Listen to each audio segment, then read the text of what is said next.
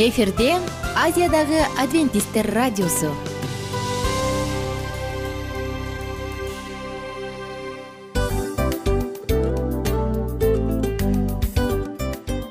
Достор салют. Баардык сүйүктүү угармандарыбызга салам айтабыз. Кутман күнүңүздөр менен. Ден соолук өмүрдүн булагы демекчи саламат саамы программасында баарыңыздарды көргөнүбүзгө абдан кубанычтабыз. Анда алгач амандашып өтөлү арбаңыздар деп. Ден соолугуңуздар кандай элибизде көбүнчө ден соолук кандай дегенде эле жакшы деп жооп беребиз э? ооруп турсак дагы жакшы дейбиз. Анан мен муну айтып ойлойт элем бул абдан сонун сөз депчи анткени бул жакшы деген үмүт да э ооба баары жакшы болот баары сонун. Деп үмүттөнүп атып эле өзүбүздү өзүбүз дарылап коебуз. Анысы кандай? Сиздин дагы ден соолугуңуз жакшы беш деген үмүттөбүз чындыгында ден соолук бул өмүрдүн булагы деп бекеринен айтылган эмес деп ойлойм. Кыргыз элинде анткени эгерде ден соолук жок болсо анда адамдын жашоосунда калган баардык керектүү маңыздуу нерселер өзүнүн баалуулугун жоготуп коет. Ошондуктан ден соолук бул эң керектүү нерсе. Ооба туура айтасың кесиптешим. Чынында ден соолугуң жок бир эки үч күн ооруп калсаң эле э кандай болуп калат? Жашоодо көз каранды болуп каласың көп нерсеге жетишпей каласың көп нерсени кыла албай каласың жада калса эшикке дүкөнгө да чыга албай каласың. Туптуура анан ден соолук болсо демек биз биздин бактыбыз тоодой деп койсок болот. Анда достор саламат саамы рубрикабызды баштайлы. Алдыда өзүңүзгө керектүү болгон сонун кеңештерди уга аласыздар. Мына ошондуктан биз менен бирге болуңуздар. Ал эми биз болсо милан жана айнура.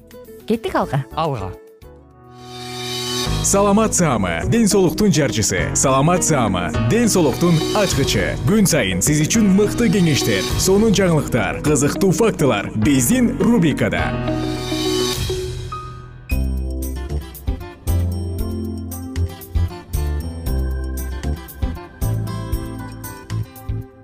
кутман күнүңүздөр менен достор жалпы көрөрмандар угармандар сиздер менен бирге биз саатыбызды улантабыз. Аты жөнүм айнура миназарова жана бүгүнкү темабыз гепатитке арналмакчы. Гепатит оорусу жашыруун жана алгачпы деги эле балдарды гепатит оорусунан кантип сакташ керек? Конокторубуз бар коногубуз инфекционист врач эжекебиз токтогожоева алтын мусаевна жана дарыгер эпидемиолог казиев балгарт казиевич саламатсыздарбы анда келиңиздер дароо эле баштайлы биз убакыт үнөмдөп балдарды гепатит оорусунун баардык түрүнөн кантип коргош керек? Эжеке сизге болсун түрлөрүн айтып кеттик а гепатиттен мисалы коргонуш үчүн эң биринчи эле буга негизи каршы прививкалар бар. Профилактический прививка деп коет. Жана корлорго алганда эле ошо прививканы алып алса бирок аны азыр государство өзү бесплатно обеспечивать эте элек. Частный да бар бирок ошо частныйларга деле барып алса эки жолу алат. Биринчи жолу алгандан кийин э, бир э, бир жылдан кийин кайра экинчисин алып алса өмүр бою ошол гепатит менен оорубайт э, десе болот. Ал эми андан башка коргонуусу эле бул эмне? Эң биринчи эле колду жууш керек э, таза жүрүү гигиена. э, гигиенаны сакташ керек да колду жууганда. Эң биринчи колду оозго алып барып тамакты оозго алып барардын алдында жуурса эле эч качан оорубайт деп ойлойм да. Анан фруктовый овощларды дагы ошондой жууш керек дагы. Сууну таза суу тазаланган кайнатылган суу ичиш керек. Менин кийинки суроом мындай болуп турат. Мисалы бизди көрүп аткан көрөрмандардын угуп аткан угармандардын көпчүлүгүнүн эле бала бар да кээ бир ата энелер баягы начеку турат да бир аз ооруп шалдырай баштаганда эле кой андан көрө доктурума алып барайын деп алып барып текшертип келет эмеспи? Анан сиз мурунку бир уктурууларда айта кетпедиңизби бул оорунун баягы жашыруун убактысы отуз беш элүү күнгө чейин болот депчи. Барып аны көбүнчө тилекке каршы мисалы менде деле бала бар мен да алып барам анан карап туруп эле бир аз шалдырап калыптыр муну муну жаз деп анан чала була дарыны жазып берет да кетире берет да. Мындай учурларда мисалы бала демек ал жөн гана сасык тумоо болуп калды же жөн гана ичип өтүп калды дегенге жатпайт да мындай терең текшерилбейт да. Терең текшериш керек. Негизи терең текшергенге ар бир э, врач өзү ошого жоопкерчилик мен өтө эле сейрек көрөм да баягы анализин тапшырып кел дегендердичи э, мындай да анализде деле по показаниям деп коет. Бул оорунун сезону бар мисалы бул оорунун сезону күз кыш деп коет да август айында эле уже сен көңүл бура баштайсың. Ар бир келген анан эң биринчи анамнезин сурайсың дегенде ошо канчалык анамнез сурап канчалык ушу эне аталарына эгерде аябай көңүл буруп уксаң токсон токсон процентин эле өзүлөрү айтып коет клиникасынчы ушу белгилерин айтат. Анан уже диагноз уже даяр болуп калат да.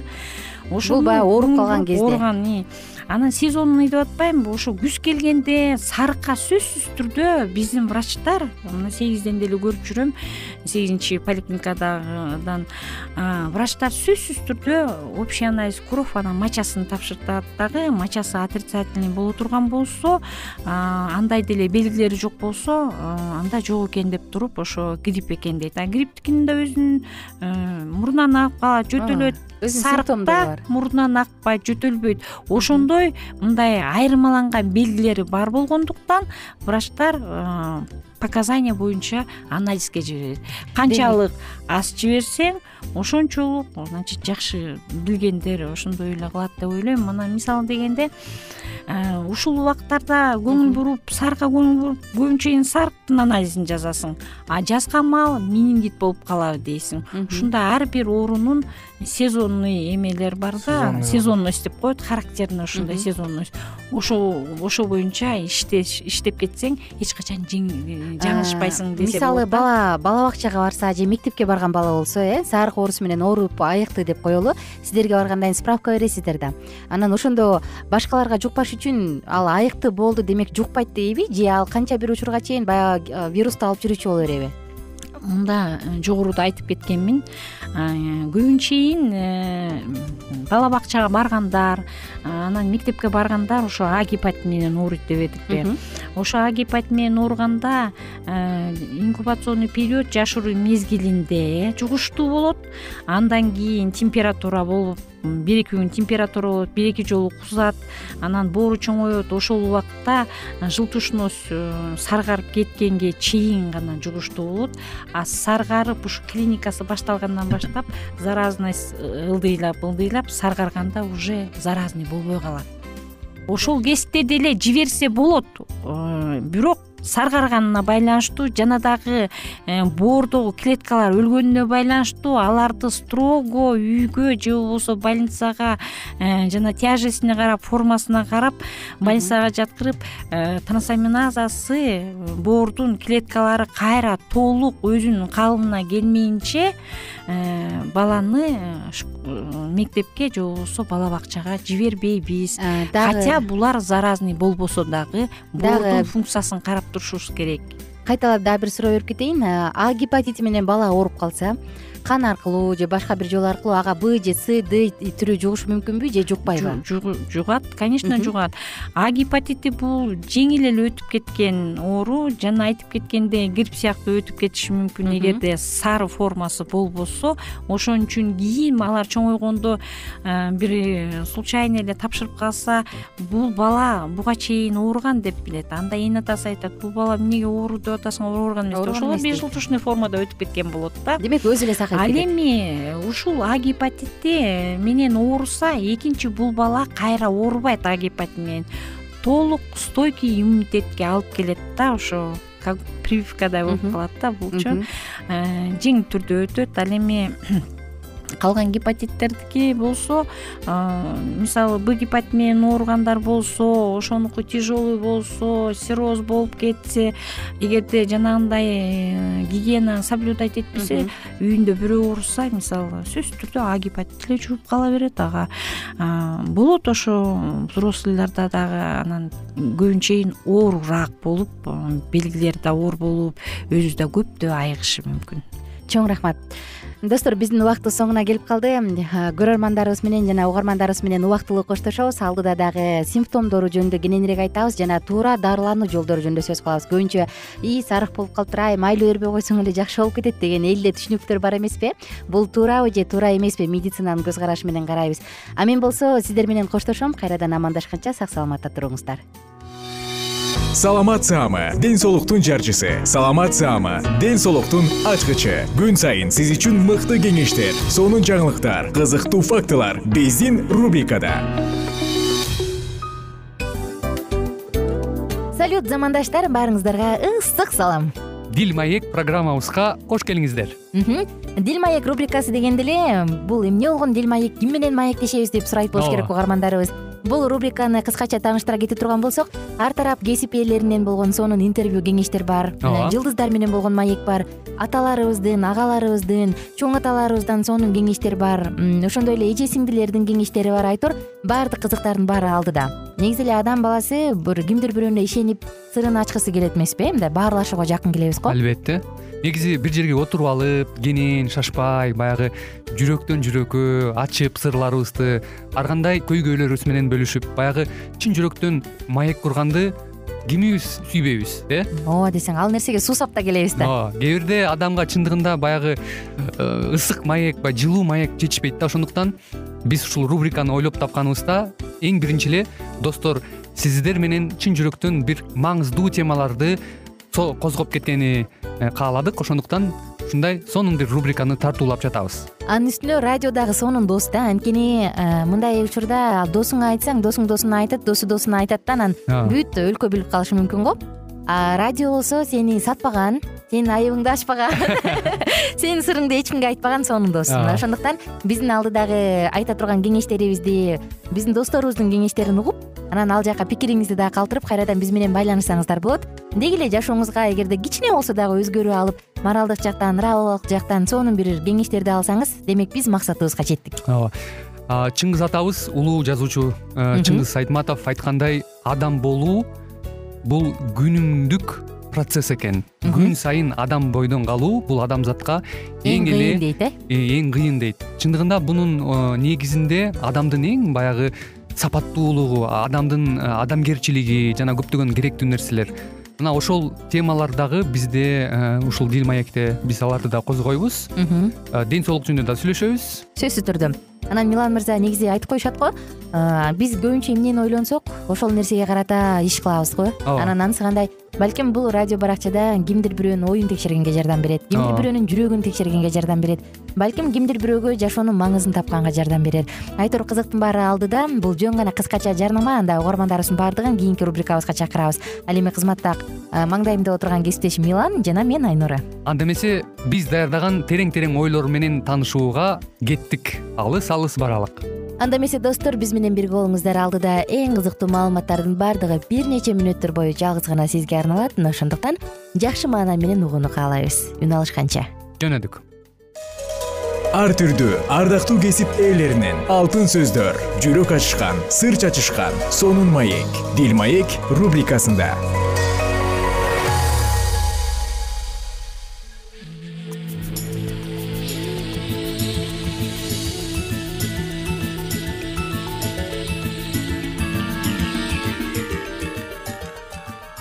саламатсыздарбы ардактуу радио угуучуларыбыз кайрадан эле сиздердин назарыңыздарда бактылуу никенин баалуу эрежелери аттуу берүүбүздү баштайбыз. Бүгүнкү программабыздын чыгарылышында биз кайрадан эле бала тарбиялоо жаатындагы бир нече кеңештерибиз менен бөлүшүп өтмөкчүбүз.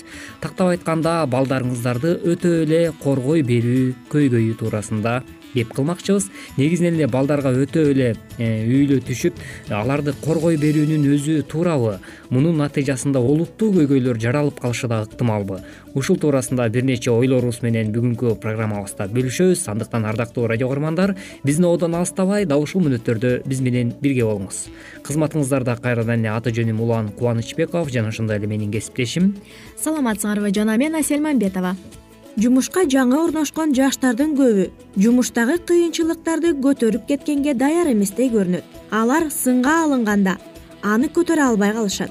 Башкалары болсо оңой менен эч нерсе жактырбайт жана оюндагыдай гана жумушка орношкусу келет. Мисалы профессор бир китебинде жумушка орношкону келип аны менен сүйлөшкөн бир баланын жумуш кээде тажатып жибере турганын түшүнөм. Бирок мен такыр тажатпай турган жумушка иштегим келет деп айткан экен. Ал таптакыр тажатпай турган жумуш болбой турганын түшүнбөйт окшойт жыйырма үч жашка чыккыча ушуну билбейсиңби деди ошондуктан урматтуу ата энелер мунун эң негизги себеби эмнеде ушул туурасында дагы карап өтөлү. Акыркы он жылдыкта көптөгөн ата энелер балдарын турмуштун баардык кыйынчылыктарынан коргоого аракет кылып келишет эгер силердин кызыңар экзаменден өтпөй калса эмне кыласыңар? Ага жакшы баа коюп көтөрмөлөп коюш үчүн мугалимине барасыңарбы. Уулуңар бирөө менен уруша кетсечи аны менен урушкан адамды күнөөлөп киресиңерби. Балаңарды жаман нерседен коргогуңар келгени табигый нерсе. Бирок өтө эле коргой берсеңер балаңардын кылган иши үчүн жооптуу эмесмин деген ойдо болушуна шарт түзүп коюшуңар мүмкүн өспүрүмдөрдү тарбиялоо жөнүндөгү бир китепте мындай деп жазылган. Көңүлү кайт болгондо же башына мүшкүл түшкөндө. Көтөрүп кеткенге жана ошол нерселерди тажрыйба топтогонго үйрөнгөндүн ордуна. Андай балдар баары анын ичинде ата энеси аларга бир нерсе кылганга милдеттүү деген ойдо болуп өзүмчүл болуп чоңоюшат. Жашоодо кыйынчылыктарга кабылбай койбойбуз.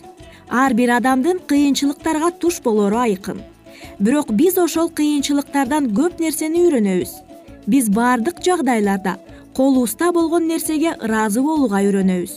Ток жүрүүнүн да ачка жүрүүнүн да молчулукта жашоонун да жакырчылыкта жашоонун да сырын билип алабыз.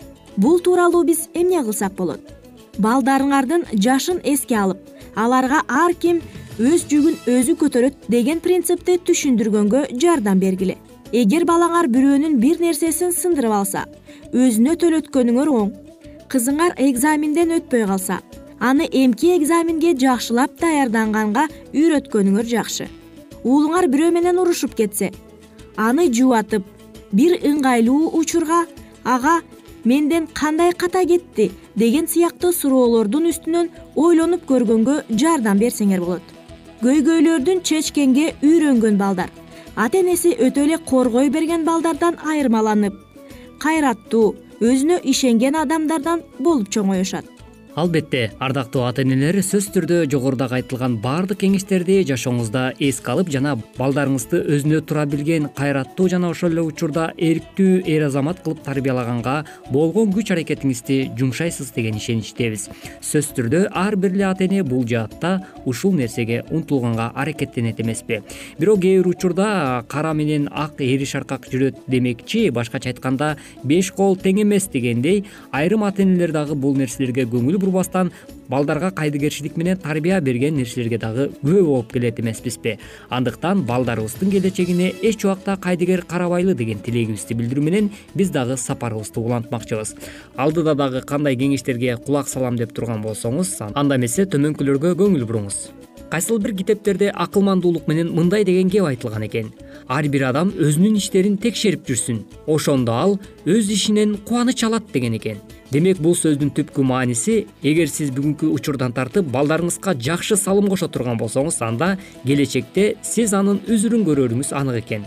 Ардактуу ата энелер андыктан сөзсүз түрдө ушул нерсеге аракеттене бериңиз. Мындан сырткары дагы дагы бир көйгөйгө токтолуп өтсөк балдарыбыздын демейде каалаганын эле баардыгын сатып берүү көйгөйү барбы? Бул жаатта чындап эле көйгөй жаралабы. Ушул туурасында дагы бир нече кеңештерге назар салыңыз. Бул чындап эле көйгөйбү. Бир сурамжылоодо жаштардын сексен бир пайызы. Башкаларга жардам бергенге караганда бай болгон алда канча маанилүү деген ойду айтышкан. Бирок байлык топтоого умтулуу адамды бактылуу кылбайт. Изилдөөлөрдүн негизинде дүйнөдө мүлкү көп маани бербеген башкаларга салыштырмалуу өздөрүн бактысыз сезери жана көңүл чөгөттүккө көбүрөөк кабылары айкын болгон. Ошондой эле алардын ден соолугу начар болот жана психикалык ооруларга көбүрөөк чалдыгышат. Албетте мунун негизги себеби эмнеде? Ушул туурасында дагы бир нече кеңештерге кулагыңызды төшөп өтүңүз. Айрымдар дүйнөйө топтоого көп маани берген үй бүлөдө чоңоюшат өзүмчүлдүк тууралуу айтылган бир китепте мындай деп жазылган. Ата энелер балдарын кубанткысы келет. Балдар болсо баарын алсам дейт. Ошон үчүн ата энелер балдары каалаган нерселердин баарын сатып берет. Балдары оюндагысын алганда аябай сүйүнөт. Бирок алардын кубанычы бир азга гана созулат. Анан алар андан да көптү каалай башташат жарнама бизнеси менен алектенгендер. Көзүнө көрүнгөндү ала бергендин эсебинен баюуну көздөшөт. Жарнамаларда сен эң жакшысын гана алышың керек сен ушуга татыктуусуң деген сыяктуу ойлор таң уланат. Башкалардын көбү ушундай жарнамаларга ишенип алгандыктан азыр карызга белчесинен батып өздөрү татыктуу болгон нерсенин акчасын төлөй албай жатышат. Бул тууралуу биз эмне кылсак болот? Ата энелер акчага жана буюм тайымга карата көз карашыңар кандай экенин текшерип көргүлө. Жашооңордо эмне биринчи орунда турушу керектигин аныктап балдарыңарга да ошондой кылганга жардам бергиле. Демек ушул нерселерди жашооңузда аткара турган болсоңуз анда ардактуу ата энелер сөзсүз түрдө сиз балаңызды тарбиялоо жаатында туура кадамга барган болот экенсиз мына ушуну менен бизге бөлүнгөн убактыбыз дагы өз соңуна келип жетти. Кайрадан эле биз сиздер менен бактылуу никенин баалуу эрежелери аттуу берүүбүздөн кезишкенче аман туруңуздар. Ар түрдүү ардактуу кесип ээлеринен алтын сөздөр жүрөк ачышкан сыр чачышкан сонун маек дил маек рубрикасында жан дүйнөңдү байыткан жүрөгүңдү азыктанткан жашооңо маңыз тартуулаган жан азык рубрикасы.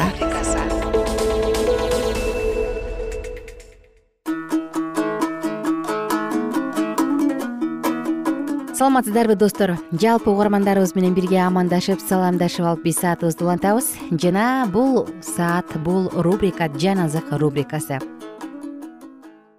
Сексен тогузунчу забур кудайдын кишиси мусанын сыйынуусу о теңир сен биздин түбөлүктүү баш калкалар жайыбызсың. Тоолор жаралганга чейин эле өзүң жер менен ааламды жаратканга чейин эле кылымдар мурун эле сен кудай болчусуң. Сен адамды алдан тайдырып адам баласы кайрадан топуракка кайт дейсиң.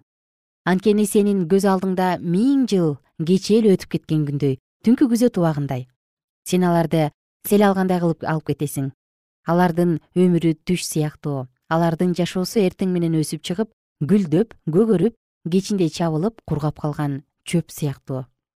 Анткени биз сенин каарыңдан жок болобуз. Сенин жалыныңдан дүрбөлөңгө түшөбүз. Сен биздин мыйзамсыз иштерибизди өзүңдүн алдыңа жашыруун күнөөлөрүбүздү өз жүзүбүздүн жарыгынын алдына койдуң. Биздин бардык күндөрүбүз сенин каарыңдын астында өттү. Биз өз жылдарыбызды үн сыяктуу жоготтук.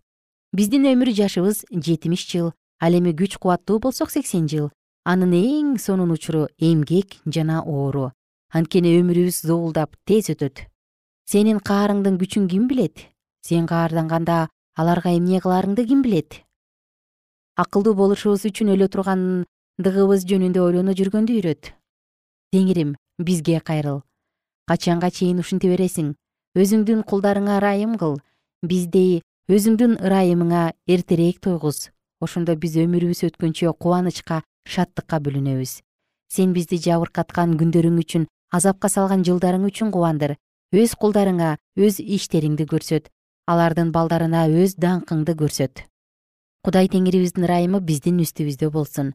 Биздин иштерибизге ийгилик бер биздин колдон чыккан иштерге ийгилик бер токсонунчу забур бардыгынан жогору турган кудайдын үйүндө жашаган кудуреттүү кудайды далда кылган адам теңирге мен таянган кудай менин баш калкалар жайым менин чебим дейт. Ал сени аңчынын торунан жана айыкпас дарттан куткарат. Ал сени өзүнүн канаттары менен калкалайт анын канаттарынын астында коопсуз болосуң. Анын чындыгы калкан жана коргон. Коркунучтардан күндүзгү учкан жебелерден караңгылыкта жүргөн каргашадан чак түштө кырган жугуштуу оорудан коркпойсуң. Жаныңда миң оң жагыңда он миң кырылып жатса да сага жакындабайт. Өз көзүң менен карап гана турасың. Кудайсыздардын жазаланганын көрөсүң. Анткени сен менин тирегим теңир дегенсиң. Бардыгынан жогору турган кудайды өзүңө баш калкалар жай кылып тандап алгансың. Сен эч кандай жамандык көрбөйсүң. Үйүңө жугуштуу оору жолобойт. Анткени ал өз периштелерине сени бардык жолдоруңда коргоп жүрүүнү буйруйт. Бутуңду ташка уруп албашың үчүн алар сени колдоруна көтөрүп кетишет. Уулуу жылан менен арстанды бутуң менен басасың жаш арстан менен ажыдарды тебелейсиң мени сүйгөндүгү үчүн аны куткарам коргойм.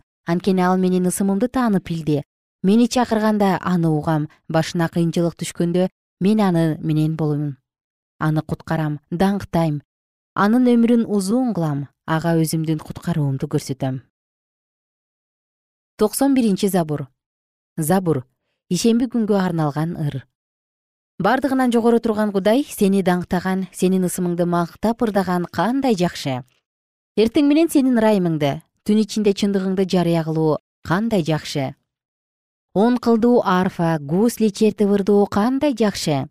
Анткени сен мени өзүңдүн жараткандарың менен кубанттың теңир мен сенин колуң жасаган иштерге суктанам теңир сенин иштериң кандай улуу? Сенин ойлоруң кандай терең? Аны ойлонбогон адам билбейт аны акылы жок адам түшүнбөйт. Кудайсыздар чөп чыкканда чыгышат. Мыйзамсыз иштерди кылгандар түбөлүк жок болуш үчүн гүлдөшөт сен болсо теңирим түбөлүккө баарынан жогору турасың. Анткени мына теңирим сенин душмандарың мына сенин душмандарың өлүп жатышат. Мыйзамсыз иштерди кылгандар туш тушка чачырап жатышат. Бирок сен менин мүйүзүмдү буйволдун мүйүзүндөй жогору көтөрдүң. Сен мени жаңы зайтун менин майы менен майладың. Мен душмандарымдын кыйраганын өз көзүм менен көрүп жатам. Мага каршы чыккан зулумдардын талкаланганын өз кулагым менен угуп жатам. Адил адам курма дарагында гүлдөйт. Либанон кедриндей асманга бой көтөрөт теңирдин үйүнө отургузулгандар кудайыбыздын короосунда гүлдөшөт. Теңир адилеттүү ал менин тирегим анда калп жок деп жар салыш үчүн алар карыганда да мөмөлүү ширелүү жашыл болуп турушат. Токсон экинчи забур теңир падышачылык кылып жатат ал улуулукту кийим кылып кийген.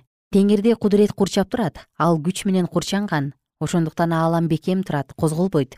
Сенин тактыңа дегенде эле орнотулган сен түбөлүктүүсүң теңирим дарыялар ашып ташып жатат дарыялар өз добушун көтөрүп жатышат дарыялар өз толкундарын көтөрүп жатышат бирок асмандагы теңир көптөгөн суулардын добушунан да деңиздердин күчтүү толкундарынан да күчтүү. Сенин күбөлөндүрүүлөрүң туптуура теңирим сенин үйүңө түбөлүк ыйыктык таандык. Токсон үчүнчү забур. Теңирим өч алуучу кудайым.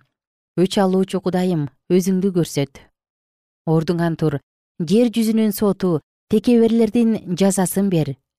Теңирим качангыга чейин кудайсыздар салтанат курушат качангыга чейин салтанат курушат. Алар өктөм сүйлөп жатышат. Мыйзамсыз иштерди кылгандар менменсинип жатышат. Сенин элиңди тепсеп жатышат. Теңирим сенин мурасыңды эзип жатышат. Жесирди келгенди өлтүрүп жетимдердин өмүрүн кыйып жатышат.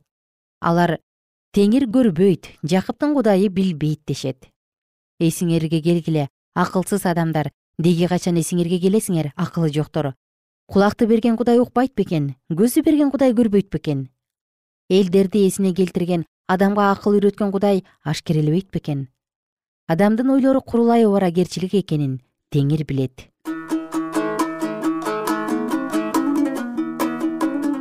Кымбаттуу достор сиздер менен бирге бүгүн дагы забур китебинен бир нече забур китептерин окуп өттүк.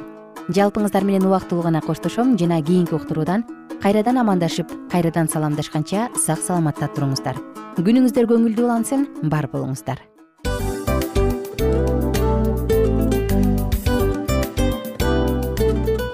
достор биздин радио баракчаларыбыз соңуна келди. Демек бул программабызды дагы жыйынтыктачу учур келдик.